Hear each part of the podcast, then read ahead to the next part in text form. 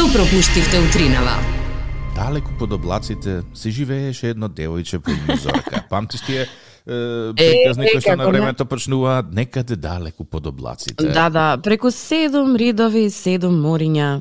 Зошто секогаш мора да е преку седум ридови и седум мориња? Никој не рече преку три мориња и седум или шест ридови. Па како инаку ќе се поттикне миграцијата? Ако ти каже тука у комши, ќе каже што го имам у комши што ќе одам. Вака за седум ридови и седум мориња каже, а, која ќе Ама пораснам. зошто мора да е седум? Е, тоа сакам да те прашам. Е па седум на времето се сметало за срекна бројка зорке. И решиле дека за да ги натераат децата ете да одат во подобар живот, ќе кажат седум мориња и седум планини. А може би од друга страна, некои други експерти ќе потврдат дека е, користеле бројот седум за да ги оттргнат децата од миграција. Каде што далеку е тоа уџум таму кај ќе се акаш седум мориња и ама седум добро, ридови. Седум мориња, седум ридови, седум џуџиња на Снежана.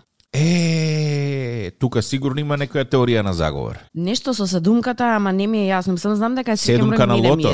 Седумка на лото, да, не е 12 на лото, седумка на лото. Седум Зошто дена во неделата. Гледаш? Сендвичара седмица. Седум така чуден, убав, аголен број, непарен број, а толку многу спомнуван во сите можни а, приказки. Повеќето минисери имаат седум епизоди. Седум ми е име на среќен број, многу го сакам како број, меѓутоа да, тоа сакам да те прашам, зошто е се во знакот на седум? Зошто е да, да не речеме преку 12 реки и 16 ридови? Зошто не почне така? Веќе ако е далеку, нека биде ептен далеку. Не знам. Не сум го размислила никогаш, ама ета гледаш ме влечеш за јазик да зборувам за некои прашање за кои што одговор може би и нема. Инаку, бројот 7 се смета за еден од најсрекните според нумерологијата. Е, затоа што се појавува во сите срекни комбинации на, на броеви. Например, а, има 7 денови во неделата, нели? Тоа го Добра. абсолвиравме. Виножитото, виножитото има 7 бои. Е, тонската скала има 7 бои. Да, осмата се повторува, добра? Е, во светот има 7 континенти. Е, лото седмица. Да. А, луѓето кои се посветени на духовноста од најстари племиња па до денес, веруваат дека бројот 7 носи важна вселенска улога. На некој начин во многу религии овој број символизира нешто позитивно и свето. А, неделата е поделена на 7 дена. Математички бројот 7 е прост број кој може да се запише како 2 на е, трета минус 7, што вклучува повеќе математички операции без оглед на тоа што се работи за прост број, значи m прост, m А М сложен. да. А, уште во индиските веди стојат описи за седумте звезди, седумте концентрични континенти и седум свети течности кои ариевците ги пиеле во текот на своите обреди. Седум те, Да. течности. Е, влече Добро. корени од египетската митологија, каде што има седум патишта до небесата, влече корени од будистичките верувања, што току родениот Буда седум чекори направил. Да бе, само што се родил седум чекори направил, добро. Пред да стане република, Рим имал седум кралеви, а исто така изграден и на седум ридови. Е, сега ете ти го, ете ти ја врската помеѓу ридовите и приказните. Значи, Рим бил. Рим бил градот. За, за седум ридови бил градот Рим. Значи, джуджињата е, италијански зборувале Најверојатно. на Снежана, бидејќи биле позади седум ридови. Чекај сега, има уште. Аха, добро. Алхемичарите пак веруваат дека има седум етапи на хемиско и духовно прочистување. Во древна Јапонија се верувало дека има седум богови кои носат среќа, а во многу традиционални лекови се ставаат по седум состојки. Ирците имаат митски херои со по седум прсти на рацете и седум зеници во секое око. И како гледаат зенициве седум во едно око? Ај Е, сега, седум прсти, гледаат? некако ќе разберам, ама на седум страни гледаат. Пази, Мониторинг систем, добра? Плюс, има седум смртни гребови, седум чакри, седум градации на рајот во исламот. А спиритуалистите веруваат дека наскоро треба да се појават уште две раси луѓе кои со постоечките пет ќе комплетираат е, бројката од седум. Вау! А се почна од преку седум ридови и седумте джуџиња, добра? Остана без Јас сум- така? Да, да, без текстум. А, инаку, не знам колку знаеш, са, немам некоја кузна какава познавање околу нумерологија, ама а, баш бројкава 7, нели е всушност производ, односно а, збир на 3 и 4. Знаеш ли дека 3 е број на духовноста, а 4 е број на материјалното? Не. Значи духовното и Значи, го, материјалното се да, спојуваат го во 7? споиш, тоа е бројот 7. Машала. Да веруваш и да имаш. И тоа е бројот 7. И како не би бил среќен, секако дека би бил среќен. Ама и на по некоја случајно среќни броеви 4 и 7. Ете ти. Иш, браво, Зорки. Да, уба. Тргнава ти кажам нешто, ама со, со 7 с- ме замаја, ме зашеме ти, ми треба малку пауза. Ова е Радио 2. Добро утро. Добро утро. Тик-так и Зорка. На Facebook и на Instagram TikTok и Зорка бркаме бројка од 10.000. Додека бркаме бројка од 10.000, морам да ти кажам за најновата а, мини серија, ТВ серија која што оди на Netflix во моментов и некако многу популарна стана. На 25 јануари беше објавено дека ќе излезе, излезе и веќе за 4 еве 5 дена гледам дека добар процент од луѓето кои што користат Net- Netflix ја погледнале. Се работи за серијата Гризелда, Добра. никако Гризелда и Анастасија од Пепелашка, туку како Гризелда Бланко, О, колумбиската мафијашка. колумбиската мафијашка, да, која што имала многу тешко детство, уште е, потешка младост и многу интересен во наводници живот, заради тоа што едноставно многу мафијаши некако не се осудувале да изастанат на патот. И предходно неколку пати веќе има снимано филм или серија за неа, каде што е играла во првиот филм Кетрин Зета Джонс, а во другиот Дженифер Лопес. И сега, Добра. Оно што е многу интересно е дека во најновава серија ја игра Софија Вергара, која што неудамна беше многу популарна заради тоа што излезе од бракот, бидејќи не се согласувале со сопругот, вели на 53 години ја не планирам сега да раѓам допро, а сопругот решава дека сака да има дете со неа. И она вика јас сега треба да бидам баба, реално родив на 19, син ми е 30 и кусур години, ја треба баба да бидам, а не да раѓам допрва. Се согласувам. И не можеа да се погодат едно друго и на крај решија дека ќе стават точка на нивниот брак и за многу интересна работа и двајцата многу брзо се снајдоа во животот. И Се. мајки предвид дека едниот и другиот се многу згодни. Ја следам на Инстаграм, а не знаев дека се развела. Видиш? Да, бе, да, да, а, сега, сега пред кратко се разведов, пред нова година. Било која македонска инфлуенсерка да беше со онакво ќе се сликаше разведена сум. Пф, интересно. Со, со разводот. Картон, да, да, со разводот, да. Е, сега, она што е многу интересно е дека Софи Вергара игра а, улогата на Гризелда во новата мини серија на Netflix и имаше нели многу пофалби за тоа каква е изведбата, дека одлично се снашла со оглед на тоа што се работи за тешка приказна и не баш многу блескава улога, заради тоа што сега како наркобос може да замислиш не е дека не знам се шета во комбинизончиња и дека животот е мет и млеко, него баш се бори, игра, навака натака. И синот на Гризелда, после одредено време, после пет дена, бидејќи предпоставам дека нема увид предходно во серијата, излегува со известување дека е многу навреден што Софија Варгара успеала да ја представи неговата мајка како грда. Ја баш сега ја гуглав оригиналната молам, Гризелда сите што не Маркос слушате, и... да, ве, ве молам да изгуглате Гризелда Бланко, да видите како изгледа и да како изгледа Софија Вергара и да, да ми кажете дали е возможно Софија Вергара да ја направи грда Гризелда Бланко или направи апгрейд на животот и на делото. Мислам дека и направи апгрейд, мислам. Ма како не, апгрейд не виден. Него мене друго нешто ме интересира. Во последно време се повеќе и повеќе се снимаат филмови за наркобосови, бивши коцкари, луѓе кои што конзумираат огромни количества на алкохол во дози кои што те прави да не се сеќаваш пола од својот живот. А, луѓе кои што не знам и така натаму и така натаму. Од кога ние ги жалиме сите овие кои што свесно конзумирале разноразни нешта и ги правиме како херои, леле, и види нарко боз до кај стаса човече, а не се снимаат филмови за луѓе кои што имаат навистина инспиративен живот, као како сврзале крај со крај, од кај почнале, како завршиле, колку напредувале во училиште, се труделе. И после сме изненадени што новите шерифи во наводници се баш такви луѓе. Да. Значи Ама, ние самите тоа. сакаме, уживаме да гледаме приказни животни на наркобосови, а се чудиме што хероите на денешното време се, Се баш така. наркобосови, така е. Тоа и кај нас во Скопје примери Мене искрено ми фали значи да видам филм или ева мини серија за некои научници, филм или мини серија за нешто инспиративно. Некоја жена, тежок е бил животот, вака така онака успеала да направи крај со крај да ги извади децата, да ги направи одлични луѓе. Значи е тоа ми е херојско. Искрено тоа ми е херојско. Не ми е херојско земала, дилала и не знам направила им, империја. Е добро да секој со помалце памет може тоа да го прави М, Да, некако отидовме во некоја насока од која што има ли враќање тик-так? нема. Мислам, тоа е тоа Отиде што се. се гледа по тоа е тоа што се гледа по по овие и портали и и а, нели телевизија и така натаму ние немаме нешто кои се последните филмови на кои што можеш да се сетиш вака што ги гледав ја го гледав Барби сега Гризел да го гледам Е, Последно гледав на Netflix Dear Child, серијата со тој психопатот. Пази, серијата со психопатот.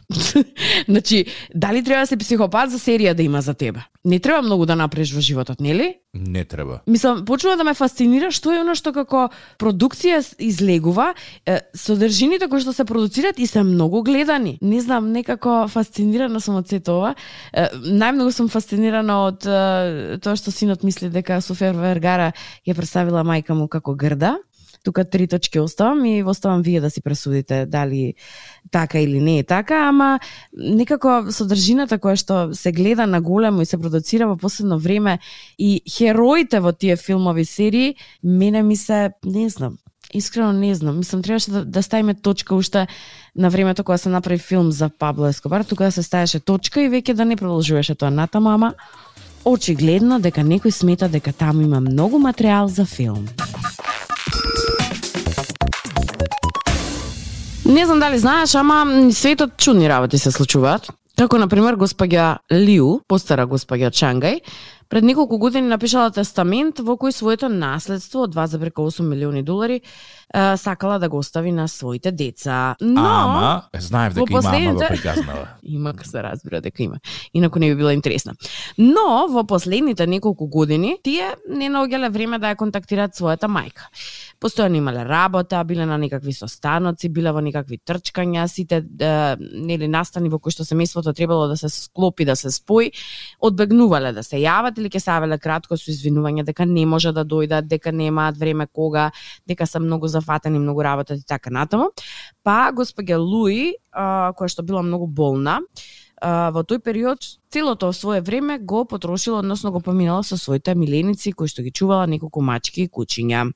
Па, господја Луи, изнервирана и навредена, што незините деца никако немаат време во текот на три години да дојдат и да ја посетат, а оваа напишала тестамент во кој што е, нескромни 2,8 милиони долари сакала да им остави, Добро. се изнервирала и тестаментот го променила, па своето богатство го оставила на незините миленици. И што прават сега кучиња и мачки со толку тешки милиони, кажи ми? Мислам, Купуваат секогаш ташни прада. сигурно мачките купуваат ташни брада, да. Ми ја укаат во ташни. Не, во Кина не е легално префрлање на имоти богатство на миленичиња, па така господја Лиу решила да го префрли целото наследство, односно го префрлила целото наследство на една локална ветеринарна клиника, каде што ги условила дека парите мора да бидат употребени за грижа на незините миленици и нивните можни потомци. И како ќе знае? Па нема да знае. Меѓутоа ги оставила во ветеринарната амбуланта незините миленици, бидејќи нели не можеш да ги однесеш во другиот свет. И го оставила парите и ми оставила тестамент, па сега не знам. Мене ми е... во тој тестамент имаш клаузули каде што се наведа дека мора дел од парите да се потрошат за потребите на милениците. И претпоставам дека незините наследници на господја Лиу од време на време ќе ќе проверуваат. И ако не си исполните тие клаузули, Не, тоа е се окей, меѓутоа мене ме интересира кој ќе биде контролниот механизам со кој што некој ќе се увери дека парите на вистина се потрошени за она за што требало да бидат потрошени. па генерално нема, ама веројатно се работи за чин на нервоза и на инет. Еве, не ме посетувате? Не, е, на кучињеви на мачки веќе го оставам наследството. Дечиња кои што во моментов слушате со мама и тато, оваа приказна има наравоучение. Наравоучението гласи: грижете се за мама и тато кога ќе бидат стари, затоа што може да се случи да не ви ги остават парите. Знаеш што? Всушност Нема што да обландираме на оваа тема. Зори. Не, не, не, нема, не, не, не, ама и, и на друга работа. Всушност, успешен родител е оној родител кој ќе успее да го покрие школувањето и целото образование на своето дете, Дотолку многу што а, детето ќе стане успешно, па нема да има потреба да му остава никакво наследство, туку самото дете ќе биде мотивирано и ќе биде на добар пат да си направи свое наследство. Тоа е точно, меѓутоа тугите пари секогаш се посладки. Се посладки, а исто така и на глупости се трошат. Тоа е една дополнителна приказна која што едноставно морам да ти кажам дека е многу интересна. А во случајов со госпоѓа Лиу, Добро би сакала да госпоѓа Лио беше малку посвесна како госпоѓа и освен што ќе оставаше да речеме некој фонд на средства за ветеринарната клиника да се грижи за незините миленичиња, останатиот добар дел од парите можела да го донира на некој училиште, на некоја болница, а, на некое дете кое што има не знам некаква ретка болест, за да направи некакво добро дело со оглед на тоа што ги казнува своите деца, барем да направеше некое добро дело за останатото останатиот дел од општеството. Дали ќе беше тоа, не знам, некоја болница да добие некаква си опрема или дали ќе беа тоа некакви деца да учат во подобри услови, наместо да остави 2,8 милиони долари на ветеринарна клиника. Ја луѓето малце не ги разбирам. Колку милиони? 8? 2,8 милиони долари. па ти кажав. 2,8. Не, тама, тоа на моментот не го прецепирав како голема бројка, ама сега е, е, е. Не, ама пази, со тие запирка 8 да ги оставила да речеме за милјанициве, ајде, и овие два да ги донирала на некаква клиника за ретки болести, не знам, на нешто, на било што, баре да направила кров над глава на некој дечиња. Ја ќе речев браво, свака час. Ги казнила деца, овие незахвални не дошле да ја Ги видат дала на туги деца. Да, ги да, ама да, ама на деца на кои што навистина им е потребно. Затоа што не сите имаме среќа да се родиме под среќна звезда и да имаме родители и да имаме пристоен дом и топол оброк на масата, така. Едноставно, некои деца или некои луѓе се раѓаат во поинакви услови. И сега наместо да им овозможиш на тие луѓе кои што не се родиле толку среќни, како остатокот да живеат во семејство и на друго, пази, оваа ги оставила парите на милениците, тоест не на милениците, на ветеринарната клиника. Па поарно да ги да се направи шалтер некои да се земаат бездомни животни и така натаму. Веќе ако сакаш да помагаш на животните. Нема зорке. Господја Лио, ти си моето разочарување на денот. Кој како толку имам да сака, кажам. си ги троши парите. Така си е. Добро утро. Добро утро.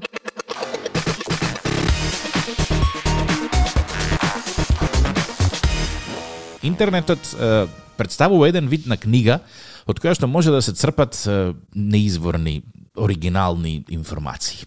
Ако на времето постоеше една голема црвена книга со наслов Илјада зашто, илјада затоа, сега интернетот е една книга со наслов 100.000 милиарди зошто, 100.000 и 250 милиарди затоа, затоа што за секое прашање има дефинитивно повеќе од еден одговор. Ако некогаш тргнеш да анализираш што е напишано по интернетот, вклучувајќи ги тука и социјалните мрежи и форуми, ќе се запрашаш дали некој на вистина го прашува ова или не. И во моментот кога ќе си го поставиш тоа прашање, најверојатно се работи за джуџе, односно трол. Добро, а може би и не. Јас такви прашања е, имам прочитано во последниве па две години, еве не оди подалеку, да на човек му штукне памет, буквално кажано. Е, едно од прашањата од е, рубриката Илјада зошто илјада затоа доаѓа од една група на жени на Facebook, каде што една анонимна господја прашува. Девојки, сакам да ве прашам, дали на вистина постои Австралија? Јас се мислам дека ме лажат дека постои, ми испраќаат слики, ама мислам дека се од некое медитеранско место и дека Австралија не постои. Што мислите вие? А Австралија дефинитивно не постои. Не постои. Па да, ако тргнеш од теоријата и сознанието дека земјата е рамна, а Аха. секогаш велат дека Австралија е доле, како може да е Австралија доле? Значи Има тоа значи дека во, луѓето во Австралија би оделе би оделе на на на, на раце, а нозете да им, би- им биле во воздух. Па, еве, не знам. Ме збунува мене ова сето. Дали Австралија постои, вели господјава? Не знам. Се, се мислам дали постои. Пази, станува збор за, предпоставувам, чим вика девојки, и чим е во група на жени за некоја госпеја која што веќе порасната, сакам да речем во своите зрели години. Ама колку е зрело да не знае дали Австралија постои. Штом некој ви вели дека отишол во Австралија, знајте, стигнал до работ на земјата и пропаднал во црна дупка. И од таму враќа слики. Да. Некој од интернет нема што да прати. Среќа интернет има, па може да прати слики. А интернет да има само до, до работ на, на И земјата. постојат на работа и од таму пишува. Немам друго објаснување, да. Така што драго ми е што под прашањето има многу, многу, многу одговори, па се надам дека господјата го добила својот одговор на прашање дали Австралија постои. А во случај да не отворила социјални мрежи, ја и го дадов одговорот на, на Да, да, радио. да, да. Просветливме, ете. Многу ми е драго што оваа наша емисија, освен што постои за дружба и за будење и испраќање луѓе кон своите работни места и расположување, постои и да се информираме и да се едуцираме, а многу пати сме едуцирале до сега. Да, тоа е Драго ми мулти, е. мултисервисна Многу сум горда емисија. на сето тоа што го правиме. Ептан, ептан, ептан. Ве учиме, ве образуваме, ве будиме, се ви правиме. Добро утро. Се, добро утро. Тик-так и Зорка на Радио 2 се ближиме полека полека до е, месец февруари. Да, Полека полека деновите ќе стануваат се подолги, полека полека ќе станува се потопло и потопло за да повторно влеземе во еден нов циклус на леле колку е жешко не се дише. да. Со исклучок на месец март, кога се е возможно. А луда лудата Марта или девете баби во месец март кои што прават буквално хаос со временските Чуда, услови. чуда. Ама што е, е тука е. Ти следен не, сега гледам списокот со празници. Знаеш дека до скоро Великден немаме ништо што може да се спои? Нема, нема. Така да Па добро, па доволно имавме, мислам пола јануари го споивме. Луѓе уште не се прибрани како што треба. А, од вестите во светот, кои што мислам дека радикално ќе ја променат е, иднината која што доаѓа, би сакал да издвојам една работа која што не доби многу на публицитет изминативе денови, меѓутоа мислам дека е од огромно значење за човештвото. Компанијата на Елон Маск успешно вгради чип во човечки мозок. Добро. Значи Neuralink за прв пат успешно вградил еден од своите бежични чипови во човечки мозок, а првичните резултати покажуваат ветувачки нервни импулси и пациентот добро закрепнува, објавил Маск. Целта на компанијата е да го поврзе човечкиот мозок со компјутерите и да помогне во решавање на сложени невролошки состојби, а голем број на конкурентски компании веќе имаат инсталирано слични уреди, пренесува BBC. Значи, ова е огромен чекор напред во модерната медицина. И сега мене, знаеш, ме интересира, дали ќе дојде време и ден кога ќе можеш онака да си ги прередуваш мемориите, како кога си го дефрагментираш компјутерот. Е, тоа Зорке не можам да ти одговорам, меѓутоа Да речеме меморија некоја, кај што си се засрамил сам себе си и е, шив делит, делит. Нема веќе. не знам, ама иднината оди натаму. Пази сега. Чипот, однос ај вака од почеток. прво во мај Маск добива дозвола од ФДА, тоа е Американската агенција за лекови, е, да тестира чип кај луѓето, што е прв ваков настан.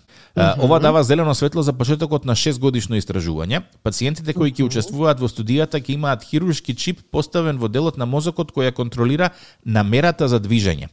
Чипот кој ќе го инсталира робот, потоа ќе снима и испраќа мозочни сигнали до апликација со првична цел да им овозможи на луѓето да контролираат курсор на компјутер или тастатура користејќи ги само своите мисли. Значи замисли ти викаш јави му се на тик-так и телефонот звони кај мене. Добро. Е, Сакаш да ми кажеш дека ќе можеш всушност се, се тестира дали ќе можеш со помош на мислите да правиш се она кое што генерално сега го правиш со раце. Да. Е сега, замисли го Стивен Хокинг, Добро. физичарот кој што е врзан за инвалидска количка. Замисли сега што би можел Стивен Хокинг да прави доколку овој чип функционира. У, чуда. Чуда. Значи буквално она што што сме гледале по приказните да да контролираш работи со со умот, овој чип може да го направи да биде Види, мораме реалност. да кажеме на работа. Да, е, напредуваме многу во, во тие сфери. Се прават многу истражувања. Мене малку и ме плаши тоа што толку многу напредуваме. Затоа Зошто? што сите филмови science fiction кои што нели зборуваат за иднината, човештвото, така натаму и така натаму, обично секогаш почнуваат со се беше супер додека не се искомплицира. И завршуваат со само уништување, така?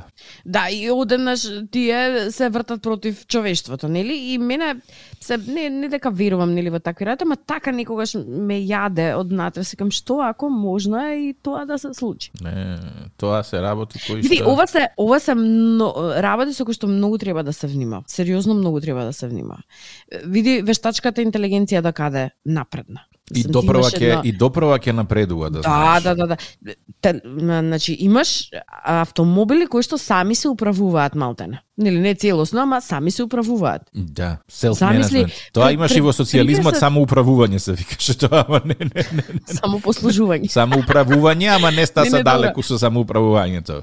Не, друго сакам да ти кажам. Замисли пред 30 години на некој да му кажеш, окей, кога ќе дојде можност за еднината, сам ќе те вози автомобилот од едно друго место. Мгм. Или сега, колку ни е се тоа непознато дека чип може да да постои во човечкиот мозок. Не знам, јас сум за за природни нешто, за за не из из како да го кажам, никако како притиснато ми е се тоа, иако генерално, ку знае какви откритија ќе се случат понатаму нели во текот на овие 6 години тестирање. Времето сакам да знам, ама така малку ми е паника, знаеш, сакам, ама не сакам. Времето ќе покаже до Да. тогаш што да правиме. Животот Инаку рече е, Илон Маск конечно добил одобрување на друга си кам хе хе кај што не може убавиот збор многу пари може да отворат врати. Тоа беше единственото нешто кое што си го помислив, да. Кој знае колку и, и финанси го коштало Илон Маск да добие такво одобрување, да речеме, за да може да врши истражување. Кој знае што ќе ќе ни отвори знаењето за тоа што ни се случува во човечкиот мозок. Има многу мистерии кои што до ден денес денешен не се решени и барем се надам дека за позитивна работа ќе биде искористено сето тоа истражување. На Радио 2, секој работен ден од 7.30. Будење со Тик-так и Зорка. Во случај на неконтролирано смеење и симптоми на позитивно расположение, консултирайте се со вашиот лекар или фармацевт.